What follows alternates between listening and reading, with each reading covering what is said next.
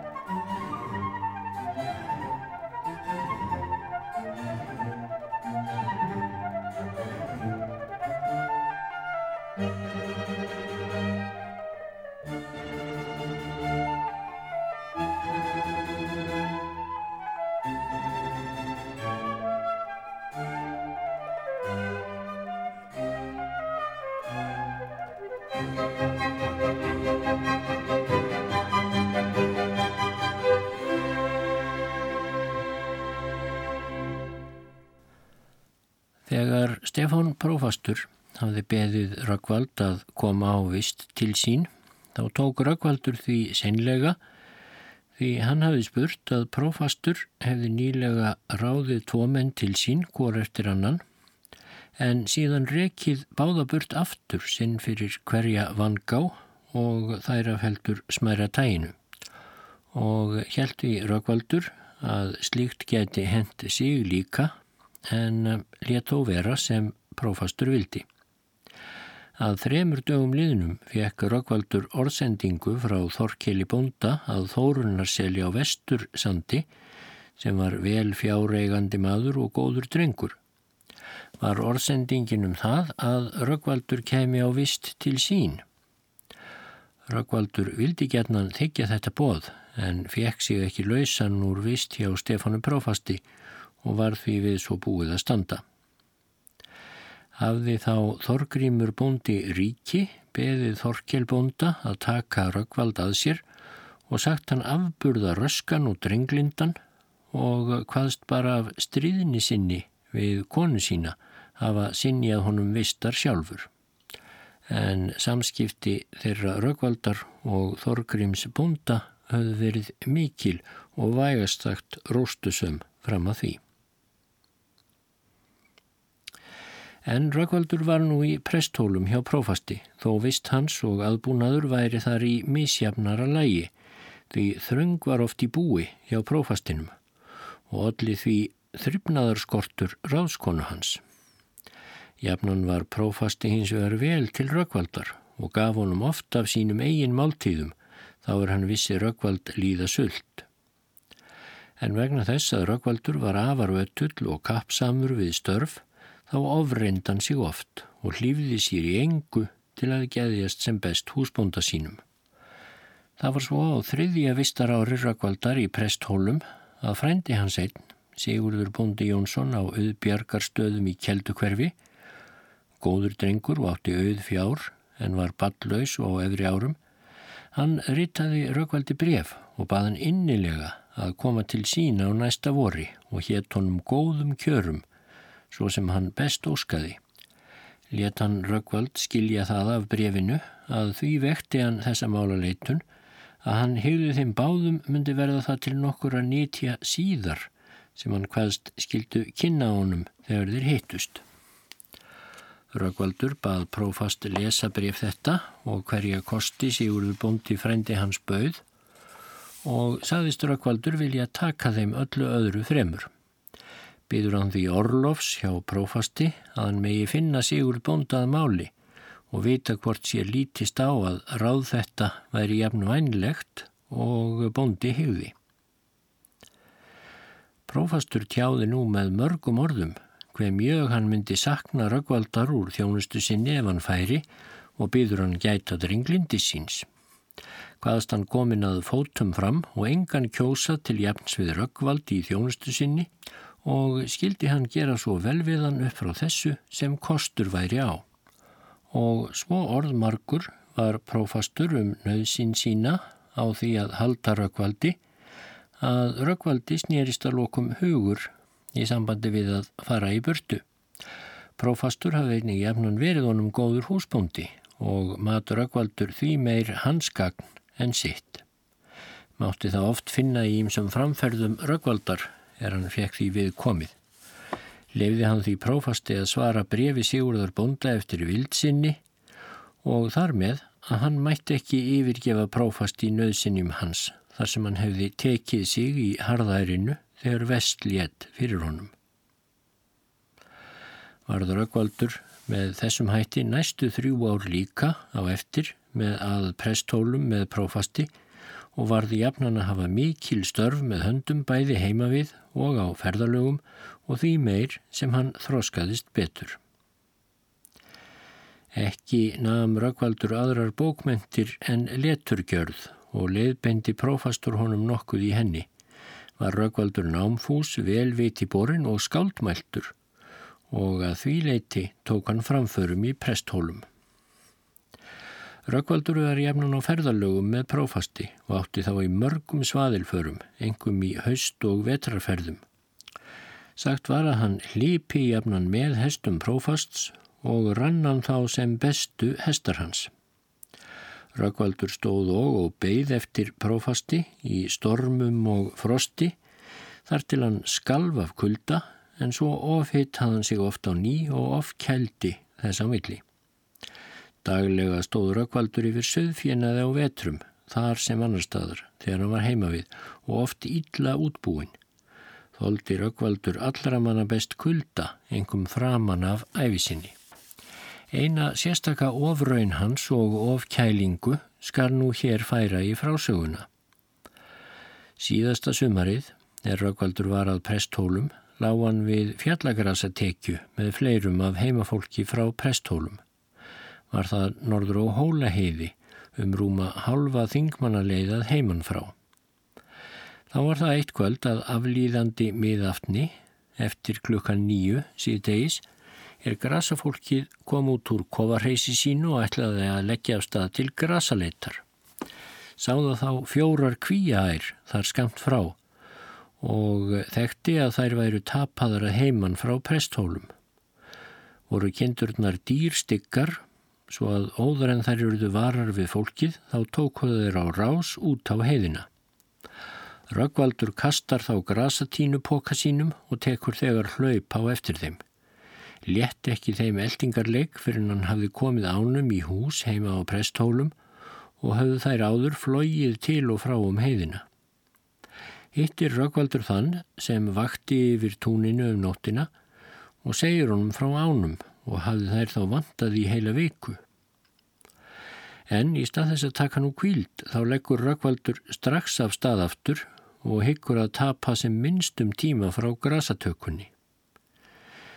Leipur hann þá sem fætur toga, uns hann að síðustu er orðin ofsa heitur og kennir þá vanmáttar teitrings. Var hann þá komin tvo þriðju hluta leiðarinnar til grasatöku fólksins. Fer hann þá að líti eftir vatni til drikjar og honum til allrar óhæmingu sér hann hjá sér djúpa grifju með hjarnskabli og vaspolli þar í. Tegar hann nú vatnið sem mestan má uns hann hefur al kelt sig. Þykist hann nú hressar á eftir og tekur til ferðar á ný en fer þó öllu hægar en áður. Finnur hann grasatínu póka sinn og tekur grösin af öllu kappu um nóttina en það voru sumir enn við grasatekjuna sem minna höfðu fengið um morgunin eftir þá er allir komið saman. Eftir að Rökkvaldur hafði sofið næsta dægur var hann orðin ákaflega styrður og hafði verki í öllum líkamannum og þó honum fyndist þetta hverfa frá sér nokkuð um hríð þá var þann aldrei framar sjálfum sér líkur til fjörs og léttleika. Var þetta með öðru talin orsök til örkumla hans er hann bar síðan til dauðadags. Hilsu hafði hann samt góða um sumarið og vann með ákafað hefinnu svo að aldrei kom honum sjálfum og því síður öðrum til hugar að óttast neinar frekari afliðingar af þessari ógætilegu meðferð hans á sjálfum sér sem gjörð var í besta tilgangi að fullnæja sem ítarlegast húsbónda hotlustu sinni með þeim mesta framúrskarandi dugnaði að fáir myndu leika eftir. En reyndir læknar, sögðunum síðar, að af þessu hefði orsakast sá sjúkdómur hinn mikli sem hann hálfu ári síðar lagðist með, en eftir það stegur Rökkvaldur ekki heilum fæti á jörð. Þegar Rökkvaldur hinn næsta vettur á eftir þetta stóði yfir söðfjanaðinum að vanda því hann hafði jafnan á vetrum fjárhyrðingu utan hús og innan með höndum þá þólda nú ekki kuldan til háls miða við það sem áður var og hann ætlaði sér. Saknaði hann líka fjörs til að hýta sér í hamsi þá er hann með þurfti. Um veturinn, þann fjórða februar, fann hann til verkjar stings ofan og innanvert í hægra lærinu með sóttar umleitun í öllum líkamannum. Leið þessi tilfinning þegar frá um kvöldi svo hann gætt notið svefns þá um nóttina. Dægin eftir fann hann til þess á ný þegar hann fór að hlaupa við beitarfjöð. Veður útlitt var þá hríðarlegt svo hann þorði ekki að yfirgefa fjöð svo lengi sem þurft hefði til að bera mold í fjárhúsin undir það fyrir sem til fjöru hafði gengið. Voru húsin því mjög blöyt og mátti ekki vera óhyrt en hann hafði óskað eftir í við heimafólk að einhver annar gerði þetta verk en hann fekk engin svör við því vegna annara verka sem fyrir fólkinu lágu. Gengur Rökkvaldur þá heim frá fjennu að Hallanda degi þrýfur tunnu sem í hafði verið sapnað taðmold og lambamilsnu vild hann koma tunnunni með þessu öllu til fjárhúsana en hún reyndist honum of þung. Dregur hann þá ólarhanga í bumbu hennar og gengur svo undir byrðina. Snjóabrótafæri var á leiðinni og varð honum þetta mjög erfitt en þó held hann áfram með kappi þó hann kendi til þrautar í lærinu. Þegar lokið var við að bera í húsin þá var komin ösku snjóbílur svo hann beigð ekki með að vitja fjárins og var hann að þanga til að hann kom öllu fjennu í hús og var þá langt liðið fram á nætturvöku. Eftir þetta var Rökkvaldur ákaflega þreyttur og styrður. Haði verkja stingurinn í lærinu alltaf aukist. Þegar hann var sestur um kyrt og hafi matast lítið eitt, þá greip hann eitthvað það geysilegasta skjálta flók svo hann réð á enganhátt við sig og hafðan aldrei fengið því líkt áður. Var nú stumrað yfir honum og allt sem fólkinu datt í hug reynd til að draga úr skjáltanum. Gatan þó sofið nokkuð þessa nótt á eftir. Um morgunin klætt hann sig og getur þá komist niður á baðstofugólfið en var þá að snúa aftur í rúm sitt því hann þóldi ekki að stíga í hægri fótinn. Komst hann ekki hjálparlaust aftur í rúmið fór hún svo versnandi um daginn svo að í ljósaskiptum um kvöldið var hann orðin altekin af óþólandi verkjum svo honum varð engin umbúningur veittur nýja snúið einu sinni í rúminu. Daginn eftir heldur sömu veikindin áfram og þá bjó prófastur hann undir dauðasinn með sakramentis þjónustu því allir hugðu að til dauða hans myndi nú draga. Þá var þar vinnukona einn, Guðni Jónsdóttir að nafni. Hún hafði nýlega tekið við bústjórn með prófasti og varð síðar setnikona hans og að honum önduðum þá varð hún síðari kona Einars prests Hjaltasonar að staði í kvöldukinn. En Guðni sagði bæði þá og síðar að Röggvaldur væri maður ófegur og myndi hann eiga tölvert eftir ólifað. Og svo fór, þannig lág Röggvaldur í samfeltar 15 vikur að hann þildi að láta róta sér hefði minsta af hægri hliðinni nýja nokkuð að hægræða sér nema þá hann var borin af tveimur í rekkjuvóðunum meðan búið var um rúmið öðru koru. Allan þann tíma gæti hann korki sofið nýja nærst nema á vatni og mjölkurvassblöndu. Á hverri nóttu vakti Guðni og einhver annar yfir honum við ljós. Þjónaði hún honum einlegt og síndi hinn að nákvæmustu aðhjúkrun. Ímsar hegómlegar hugmyndir og tilgátur voru um orsök þessa sjúkdóms. Sögðu sumir að Rökkvaldur hefði lagst á óreina jörð, aðrir að hann hefði orðið fyrir loftanda, nokkur er kölluð þetta beinkveisu og ennaðrir brunaköldu og svo framhengis.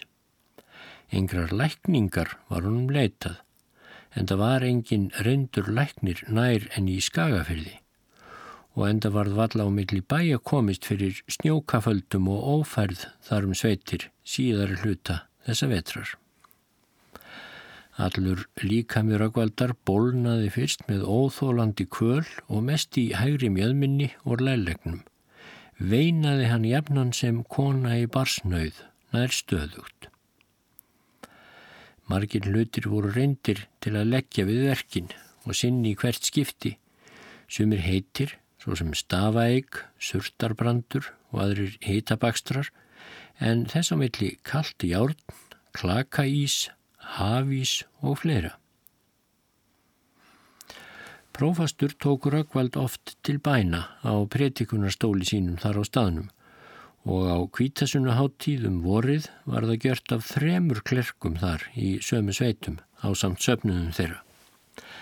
Var það að fyrirskipun prófasts að beðið skildi fyrir röggvaldi til Guðs. Eftir það tók honum smám saman að létta þannig að verkirnir línuðust og hann fekk ögn meiri matarlist. Var hann þá ekki orðin nema beina samtenging einn og svo komið að lærleikurinn stóð íbjúgur fram úr mjöðminni sem eitt bein og rótaðist aldrei framar á æfi hans, en vinstramegin var hann dofin og vísin fyrir neðan mitti. Þegar mannum virtist að Rökkvaldur myndi aftur vakna til lífsins þannig á sig komin sem áður er líst og að hann myndi verða kararmadur til elli daga, þá óskaði prófastur eftir tillægi frá aksfyrðingum úr ærlækjarreppi.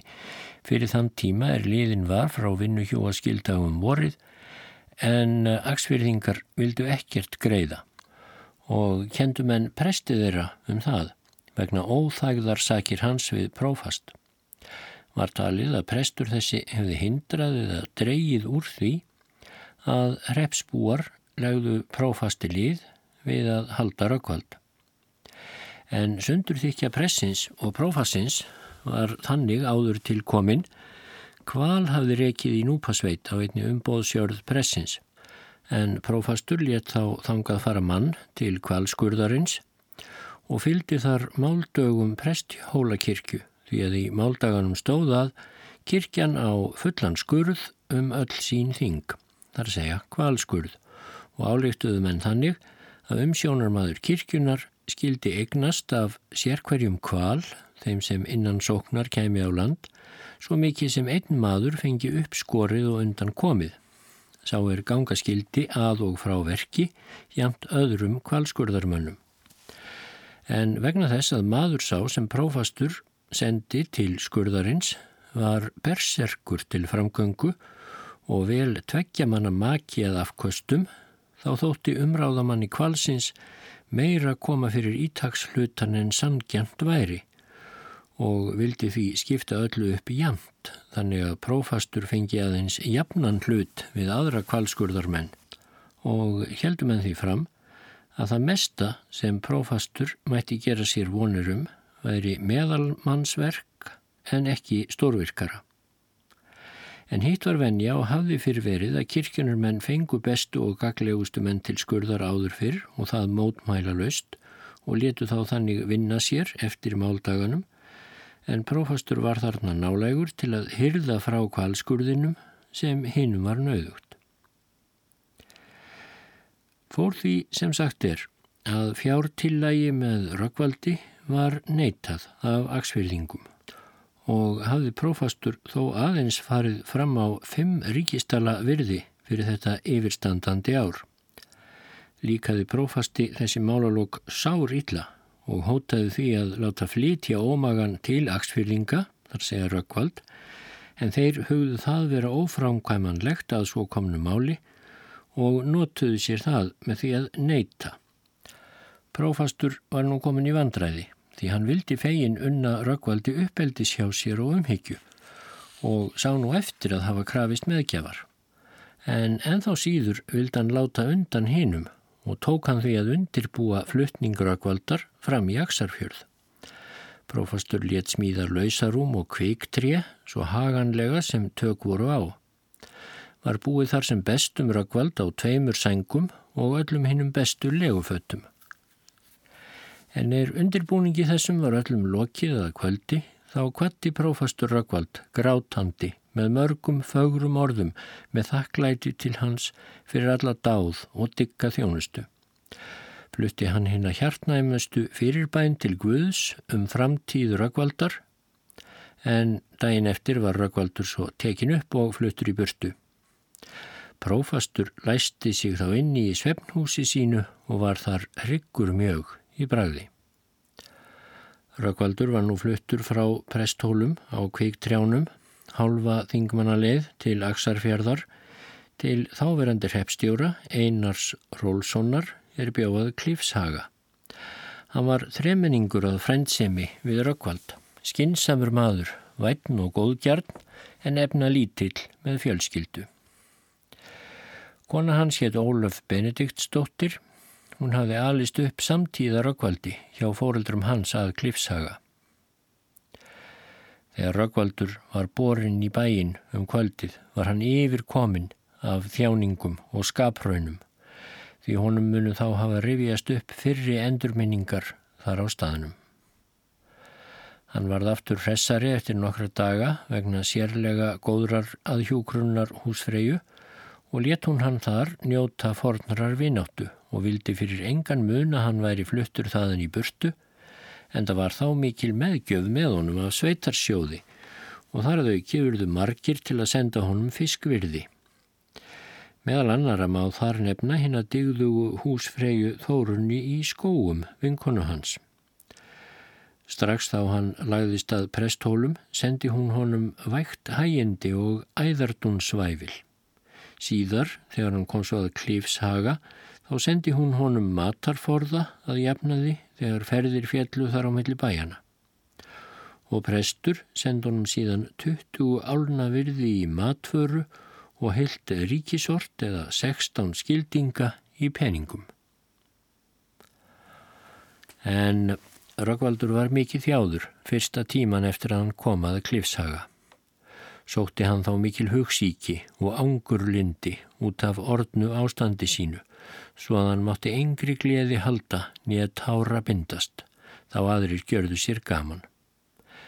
Jafnaðan sig á þessu þá fráleið og restist nokkuð, svo hann gat setið upp í rúminu litla stund í einu með tilstyrk annara manna. Voru þá búin til smyrsl úr vallhumli og hann makaður með þeim tvísvar og þrísvar á dag. En með því tók að smá míkjast það er sínar og liðbönd sem gáttu tillátið og færðist á hold og tilfinning í vinstri fótinn að nýju og lærið en vissnuninn smá eittist. Af sífældri hreyfingu sem hann hafði á sér í rúminu þá styrtist hann svo mjög um síðir að hann gæti látið klæða sig og loks gæti hann gjört það sjálfur og gæti þá setið framann á rúmi sínu fór hann þá að reyna að standa í fæturna með þeim hætti að halda sér á höndunum upp um lágan bita hjá rúminu en þá fyrst fannst honum sem sínar og bein myndu bresta í sundur svo sársauka fullt varðað. Endur tók hann þetta nokkrum sinnum og lás og stundum fyrst á eftir tvö-þrjú dægur eftir hverja tilraun. En þar kom þó eftir þessar æfingar að hann gatt gjört þær þjáningar lítið, þá var komið fram á heifinu tíma. Síðar fekk hann það gjört af heimamönnum að vera borin út undir Bertloft þegar best var veður sér til skemmtunar. Eftir það skreiðan út og einum bæin hjálpar löst. Um veturnættur þar á eftir þá fekk Röggvaldur smíðaðar sér tvær hækjur og á þeim dróðan sig áfram þó með stuðningi í fyrstu og þó kom svo um síður að hann fór einn við hækjurnar innan um bæin. Um jólaföstu eingang gatt hann setið á hesti til kirkjuferðar og nöyt þá sakramentist þar. Vorið þar á eftir gatt Röggvaldur nokkuð unnið að túna á vinslu. Einning fór hann í skó með öðru manni og var lengi við kólagjörð. Þar eftir hlóðan hjálpar löst nær 16 metra af túngarði og velti sjálfur til þess hnausum úr flægi. Einnig reyndan að slá og stóð við það á vinstra hnið og hægra fæti og tókst það svo að undrum þótti sæta. Um þessar myndir vaknaði sterklöngun hjá Rökkvaldi að komast vestur í Skagafjörð, áður en lengra liði frá því að leita sér lækninga. Hann vildi komast til Jóns Péturssonar, læknis norrlendinga í Viðvík, því mjög fór orð af lækningum hans. Var Jón fjörðungslæknir. Reðist Rökkvaldur um þetta við Björn Síslumann Tómasson á Vorþingi og bað hann Síslumann að leggja sér lið við sveitarmenn sína að sér er þið veittur styrkur til farar í skagafjörða. Síslumadur vildi ekki letja þessa og kallaði ekki óráð að frista þess hvað sem aður liði. Nemdi hann við hreppstjóra að fá rökkvaldi hest og farareyri til ferðarinnar og hétt að gefa honum leiðarbref. Hugði rökkvaldur að læknir fengi rétt úr kreppunni og liðkað lærleikin og augnakallin í mjöðmarliðinum.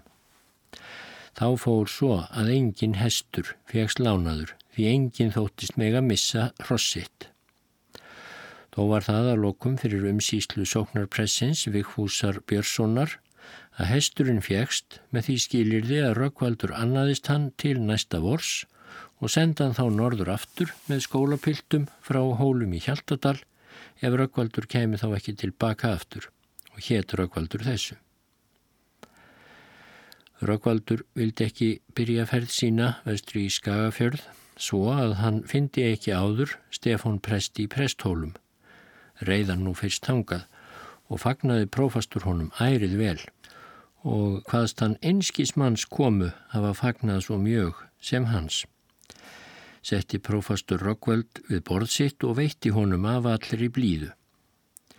En ekki var Rökkvaldur þar nema einu nótt því ferðahugur var nú komin í hann og áliðið sömars en laungleið fyrir hendi. Prófastur gaf honum halvan dal eða 48 skildinga í peningum og sagði Rökkvaldur svo frá að þá einu skildinga myndi prófastur hafa átt handbæra því mjög var honum þá þorrið fjö. Og vittnisspurð gaf prófastur Rökkvaldi og hljóðaði svo orðréttur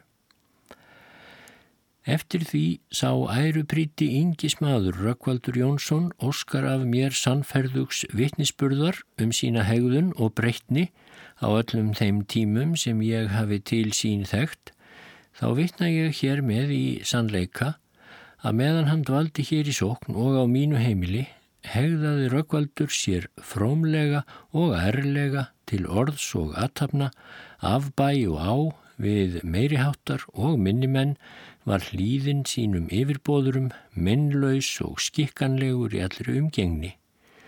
Mesti trúleiks og digða maður, lagvirkur í betralagi, mikilvirkur meðan hilsu hafði, þó nú sé hann ekki vinnufær vegna síns þunga veikleika. Þetta sanna frómleiks og digða mannorð hef ég um hann hirt frá ungdómi hans. Guðs náðaríkri varatekt og góðramanna hilli er hann af mér falinn í presthólum dag 15. ágústi 1792 Stefán Þorleifsson. Lillu síðar byrjaði Rökkvaldur ferðina frá Klifhaga að fengnum vitnisspörðum presta og hrepstjóra í Aksarfyrði. Fengu þeir honum af sveitarsjóðunum tvo bankasæðla til meðgjafar hjá lækninum ef hann næði fundi hans og léttu svo ferjan vestur yfir Jökulsá. Sama dag og seinast var um getið náður Rökkvaldur að auðbjargarstöðum í Keldukverfi. Þar bjó Sigurður frændi hans og kona hans Ólöf sem fyrr var fara á sagt. Sögðu þau honum þá að tilgangur sinn með því að fá hann forðum frá presthólum hefði eiginlega verið sá að arfleiða hann og láta hann sem són ganga sér til handa þó þau hefði ekki skrifað um þetta í brefið og ekki meira en það sem þá var sagt en þessu misti Rökkvaldur öllu af. Hann var hjá þeim einanótt, helt hann því næst vestur yfir Reykjaheiði þar til hann kemur að gardi í aðal Reykjadal til síslumannsins Björns Tómassonar.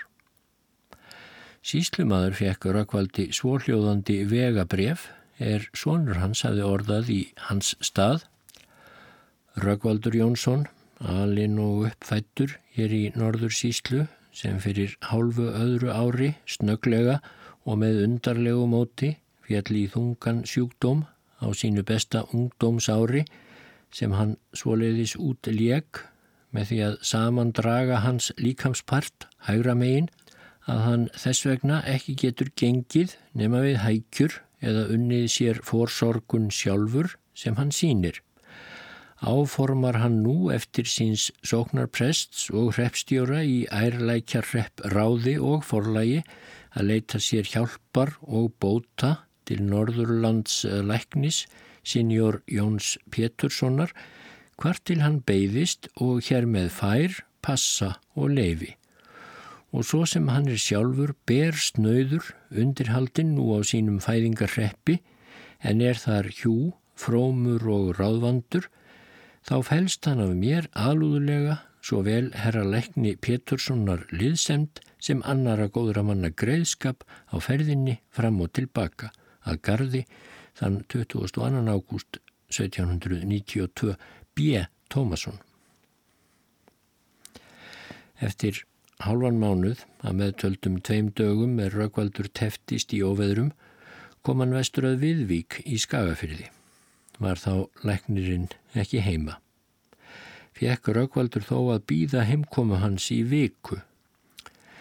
Þegar læknir kom þá var hann ekki hýr til Raukvaldur. Sögum þess að Korki hafi fyrirfram verið fengið leifi hjá lækninum um að meiga sendan nýja honum fengið meðlagsfið til hlítar. Hvaðst læknir myndu klaga þá og ákæra til sektar sem þessu höfðu ráðið yrti síðan engu orði á Rökkvald alla næstu viku en Rakan reyndar heldur ekki á burt. Eftir það skoðað hann loks Rökkvald nákvæmlega og let hann segja sér öll tildrög lífsins. Eftir þessar spurningar segir læknir að ofkælingar gikt með aflraunum hafi þessu valdið og við hræringarleysið svo saman brygslað beinin að þau muni verða hverjumleikni utanlands og innan ósundur greinanleg upp frá því. Læknirinn gaf þó vonum að hann vilji eitthvað við þetta reyna ef Rökkvaldur geti komið sér fyrir, þar einhver staðar skamt frá, en sjálfur hvaðst hann ekki geta tekið hann á heimili sitt. Læknir ráðleikur loks Rökkvaldi það helst að leita heimað hólum í Hjaltadal og reyna að koma sér þar fyrir og verða bókbindari vegna þess að hann áleit að Rökkvaldur væri ekki fær til áreinsluverka. Eftir þessar umræður við læknin vil nú Rökkvaldur síður hverfa tilbaka aftur norður í Akstarfjörð ef skekinni að honum yrði þrátt fyrir allt hjálpað til heilsu aftur af Jóni lækni. Hestur hans var einnig meittur orðin og snjór komin á heiðar og fjallvegi hyggur hann því að reyna um getið ráðu læknisins. Fer Rökkvaldur þá að hólum og finnur þar biskupin, Sigurd Stefánsson. Bjóst þá biskup við því að lítil myndi verða bókaprentun þennan næsta vetur og einnig nóg af bókbindurum á staðnum ef á þyrrt að halda. en þó lagði þessi góðhjartaði herra það til að Rökkvaldur skildi nú ekki leggja í ferðarlag tilbaka aftur beint undir haustáfell nýja fyrirgjöra því að læknir geti hugsanlega veittunum einhverja hjálpar tilraun eftir því sem læknirinn hafi lofað. Heldur skildi Rökkvaldur heita og góða menn þar nálagt og reyna að fá framfæris aðstóð þeirra næsta vettur hétt biskup honum þá þegar mánadar dvöl á búi sínu.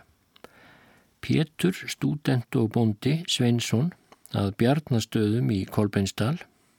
Pétur var ríkur maður og velmetinn. Hann var þarna þá nærstattur og hvaðst hann myndu ekki skorast undan liðveistlu við Röggvald að einhverju leiti þegar hann kemi til sín. Trem nóttum síðar fór Röggvaldur að neðra á sí í Hjaltadal Þar bjóð þá ekki frú Jóns Biskups Teitssonar, Margrét Finnsdóttir. Tjáði Rökkvaldur henni um ástand sitt og ferðalag en hún bauð honum að hýsa hann um nóttina og segir honum að verða þar um kyrt og þáðan það. Trem dögum síðar fréttist svo um góðan fiskabla utan af höfðaströnd. Tekur þá Rökkvaldur það ráð að leita þangað og byggja skipsformen að flytja sig á viksl og svo gerir hann. Tókst honum þetta seinlega því flestir hugðu hann ekki til þess færan, þó fluttu hann flestir á einn skipsróður og sömur tóróðura. Förðuð að hafa alla á því er til hann sáu hverju hann fekk afkastað, svo vanfær sem hann var.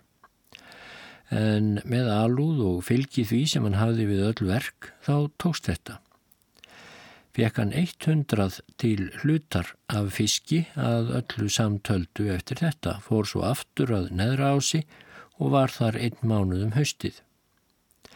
Þá þurft hann að koma hesti sínum til hagagöngu fram í blönduhlýð og fór hann þessa erindis af stað. En þegar hann kvatti frú Margréti sagði hún honum að ennætti hann eftir að vera hjá sér þá nótt sem hún hefði fyrirlofað honum gistingu og skildan koma aftur þegar hann þyrti þess með. Um kvöldið settist hann um kyrt að bakka í viðvíkursveit og satt þar snjókavalds fastur í viku tíma. Þaðan held hann að Hofstaðaseli og dvaldi þar í þrjárvíkur hjá Haldóri Konrektor og búnda Hjálmarsinni en að Hofdölum fekk Röggvaldur komið fyrir hestinum hjá Hafliða búnda Jónsinni sem bauð honum einnig að vera í viku. Á þessum tíma kom Rökkvaldi orðsending frá Gunnlaugi presti Magnúsinni að rýp í Hauranesi og skaði prestur eftir því að Rökkvaldur væri hjá sér um tíma ef hann geti spunnið hespugarn. Bræður Rökkvaldur þá við strax til að sæta þessu tilbóði og kemur að rýp viku fyrir jól. En svo líkaði prestinum vel garn spunnin hjá Rökkvaldi að hann var þar síðan til gangdaga um vorið. Þegar tilkom reyndi Jón Læknir lítið við kreppu og skekkju rökkvaldar til lækningar með öðru en ábyrðarsmislum sem hann fekk honum til að bera á lærið og liðaböndin og dögði það lítið sem ekkert. Að þessum vetriliðinum hugsaður nú Rakvaldur ráðsitt hvort hann skuli leita aftur norður til áttagana í Aksarfyrði og sveitarsinnar eða vera kyrr og vera framvegis í þessu héræði, skagafyrði, með hann gefist kostur á því og réðan að lokum það síðara af með ráði ímissa góðra manna. Fer Rökkvaldur þá með hestin heimað hólum til að senda hann norður í Aksarfjörð með skólapiltum þaðan, norðan og austan. Að því loknu kemur Rökkvaldur að neðra á sig aftur í næstu viku fyrir kvítasunnu 1793 býður þá biskups ekki frúin honum að vera fram yfir háttíðin og þáði hann það, voru vistarráð ekki nefnd frekar af hvoruðu þeirra í þau þrjú ár sem Rökkvaldur var þar næst á eftir. En frú Margrét andaðist 3. júni 1796 Rökkvaldi til mesta saknaðar og skada síðara meir hefur Rökkvaldur jafnan blessað minningu og viðfrækt eðallindi þessarar gáfuðu og heidruðu merkiskonu og sagt að þar vera sín hafi verið þinn gleðilegast til hluti æfisinnar eftir það hann fór frá foreldrum sínum. Fjórða árið var Rökkvaldur um kyrt hjá börnum frú Margreðar, þeim Jóni og Katrínu, sem heldu áfram búrekstri það ára á jörðinni og heldu þau bæði vináttu og velgjörðum við Rökkvald alltaf framvegis. Fyrsta árið sem Rökkvaldur var að neðra á sig þá höfðu brotnað hækjur hans einhverju sinni þegar hann vannað torfverki. Var hann svo án þeirra um tíma og komst á upp í vana að hann haldraði síðan oftast staflaust við það hvað sem hann vann. Sama sumarið bættist á eimtans að hann fekk óþólandi kvöl í hægri upphandlegin með bólguverkjum miklum. Laðu þá biskupsekkjufrúin sem ættið endra nær alla alúð við að leita honum lækninga við þessu sem stundum árlega lagði hann í rúmið svo vikum skipti en þó gætt læknirinn alltaf línað þrautirnar en ekki læknað þær að fullu fyrir nettir átta ár en þá nýtti handleikin og síðan fann Rökkvaldur ekki til sjúkdómsins aftur fyrir ná efri árum. Þriðja sumarið sem hann var að neðra á sí þá kviðslitnaði hann svo við litla áreinslu að því sinni og hafi síðar að því nokkrar þjáningar þá aldur færðist yfir hann. En þegar frú Margret var liðin þá lagði Jón Læknir fölur á Rökkvald sem vinnumann og gerði hann það ári síðar en fyrr var frá sagt var hann hjá Jóni Lækni á þeirri vist í fimm ár þánga til Læknirinn andaðist í oktober 1801. Læknirinn vildi ekki missa Rökkvald úr þjónustu sinni fyrir nokkur hlut meðan hann var á lífi þótt hann geti litla Björg honum veitt sem læknir.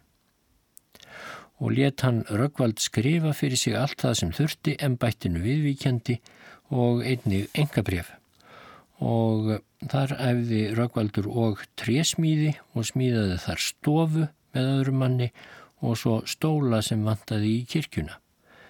Í fleiru en einu tilliti þá þótti Rökkvaldi þessi vist ekki eins geðfeld og svo fyrri eða hann hefði helst kosið að hún væri skári en hann vildi þó ekki fara á burt mótvilja læknisins en það greitti læknir Rökkvaldi nokkurt kaup og þar eignaðist hann fyrsta hest sinn á efinni.